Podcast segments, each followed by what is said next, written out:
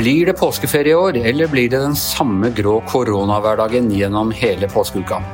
Og Lønnsoppgjøret starter i morgen. Dugnadsånden er ikke helt den samme som i fjor.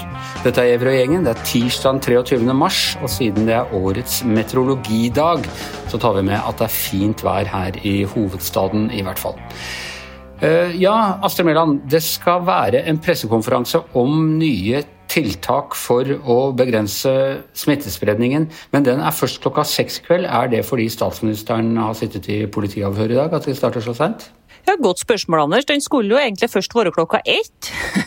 Så ble den utsatt, og VG har prøvd å finne ut av hvorfor. Det er ingen gode grunner så langt til at den har blitt utsatt til klokka seks.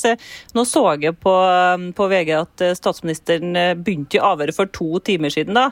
Altså Nå er den kvart over to, så det kan jo hende at det krasja, ja. Men jeg, jeg tror kanskje ikke Erna Solberg kommer på pressekonferansen i kveld. Det er varsla at det er Bent Høie som skal ta det. Og det er vel kanskje han som er best til å fortelle befolkninga med smitteråd nå etter den bommerten til Solberg? Det er mulig at autoriteten er litt sterkere der. Ellers så vil jeg tro at det er grenser for hvor lang tid man kan bruke på å få orden på dette som Erna Solberg, Solberg har forklart seg om i relativt uh, nøye detaljer nå i, i, de fleste kanaler? Ja da, hun er sikkert ferdig med det avhøret innen, godt innen, innen klokka seks. Ja, men det var, en, det var en spesiell uh, push-varsel å få i dag om at statsministeren i avhør for å ha brutt reglene hun har laget selv. Det viser i hvert fall at vi eh, lever i et fungerende demokrati. Men Astrid, hva kan vi vente oss på eh, det antyder, altså, Smittetallene stiger jo. I dag var det det nest høyeste i hele pandemien.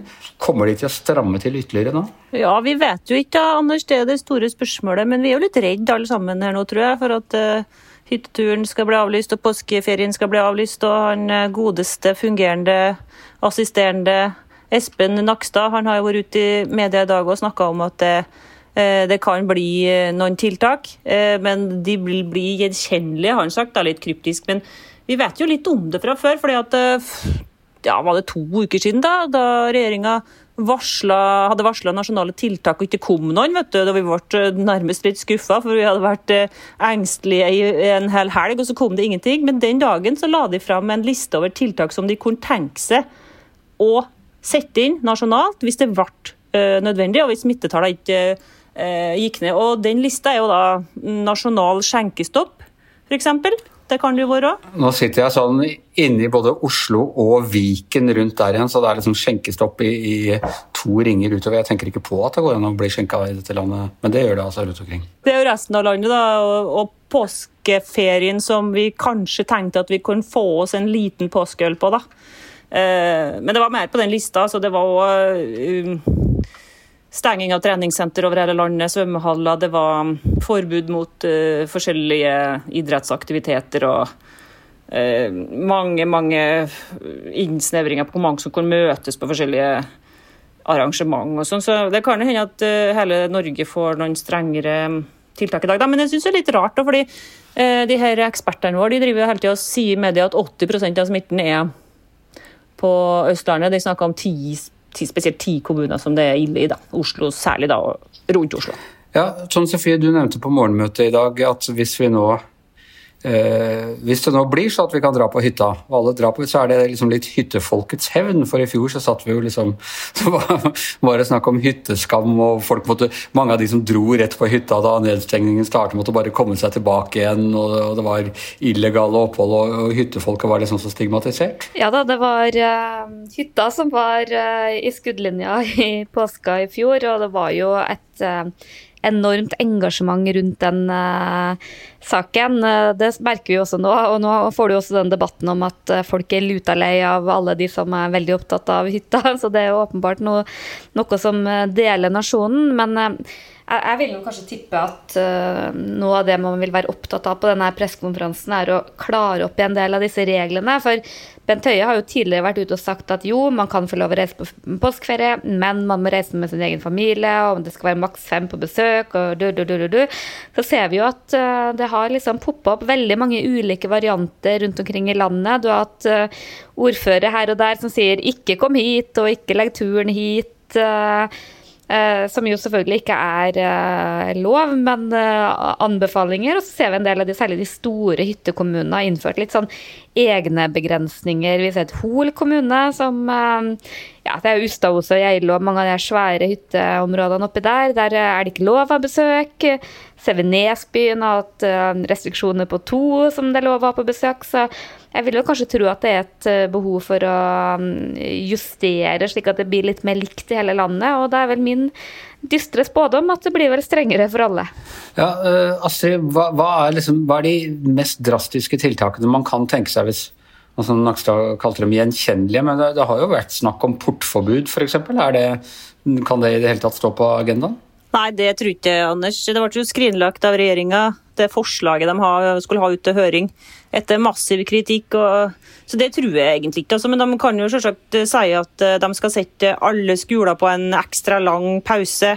Alle barnehager på en ekstra lang påskeferie, sånn at de stenger nå og ikke åpner for ei uke etter, etter påske. eller noe sånt. Men jeg syns det høres litt rart ut, det, fordi det er jo mange kommuner der det er lite smitte. og der det er nesten ikke smitte i det hele tatt. og De snakka hele tida om, eh, om, eh, Viken og Oslo. da.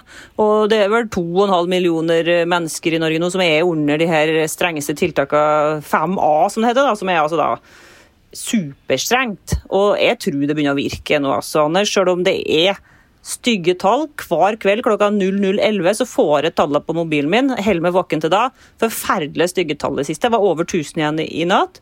Men eh, jeg har snakka litt med de her numbers eh, guysa våre på VG, og de syns at de ser en liten, liten positiv trend. Altså at den stigninga ikke er så høy som den var eh, tidligere. Men vi må ha, ha, hvis jeg husker riktig fra i fjor, så må vi ha en R på under 1. Altså hver smitta person må smitte mindre enn én i, i gjennomsnitt. Og nå, nå, ligger de på 1,4. Det er et stykke ned til 1. Ja, det er helt forferdelig eh, tøft blitt, tror jeg krever mye mer enn eh, det gjorde eh, i fjor, fordi at vi har denne mutanten som er mye mer smittsom. Du ser at det eh, overalt nå, så i Oslo hvert fall, og Viken, så ser vi at folk blir ramma. Det er så mye smitte på barnehager, det er smitte på skoler.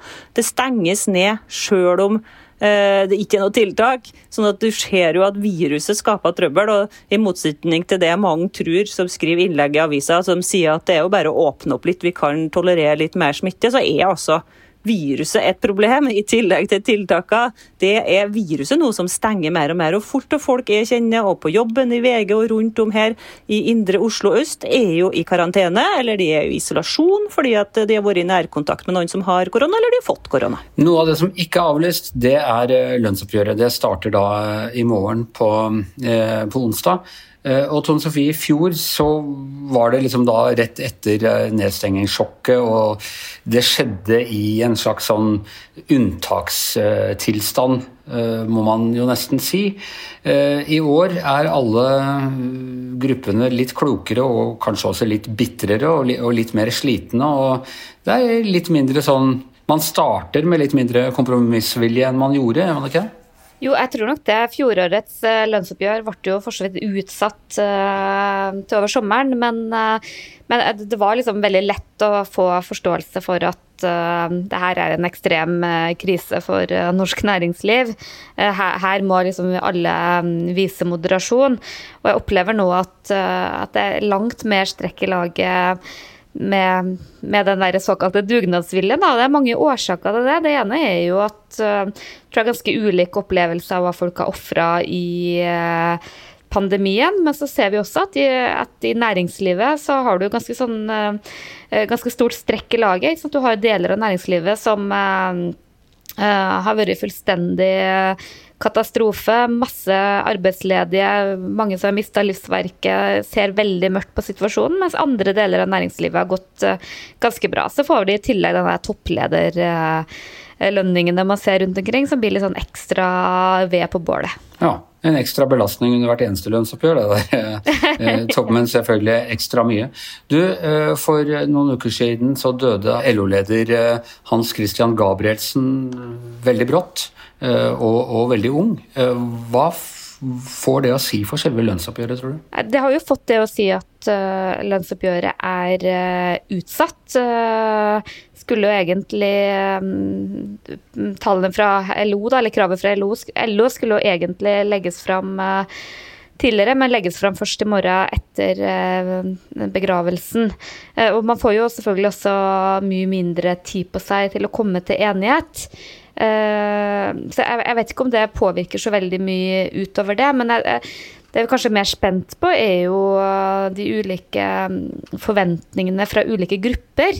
Eh, det ene er jo at NHO sitt, sitt utgangspunkt med en lønnsvekst på 2,2, som er eh, det som er eh, i de, våre samarbeidsland og handelspartnere i Europa, har jo fått deler av fagbevegelsen til å bli rasende, for det er i realiteten Ja, for de mener det er en real, reell lønns... Altså nedgang i lønn, hvis man godtar det. Ja, og, sånn, og, reelt sett så er det jo det, for det er jo under det som er prisstigninga på 2,8. og har liksom vanskelig for å se for meg at uh, LO og den sida vil akseptere noe veldig mye under det. Men liksom, vi har også litt mer sånn kompliserende faktorer med at uh, vi er helt avhengig av å få norsk næringsliv på fotene igjen. Og da kan man jo heller ikke ha konkurranseulemper som man jo vil få hvis man har høyere lønnsvekst enn i, de andre landene.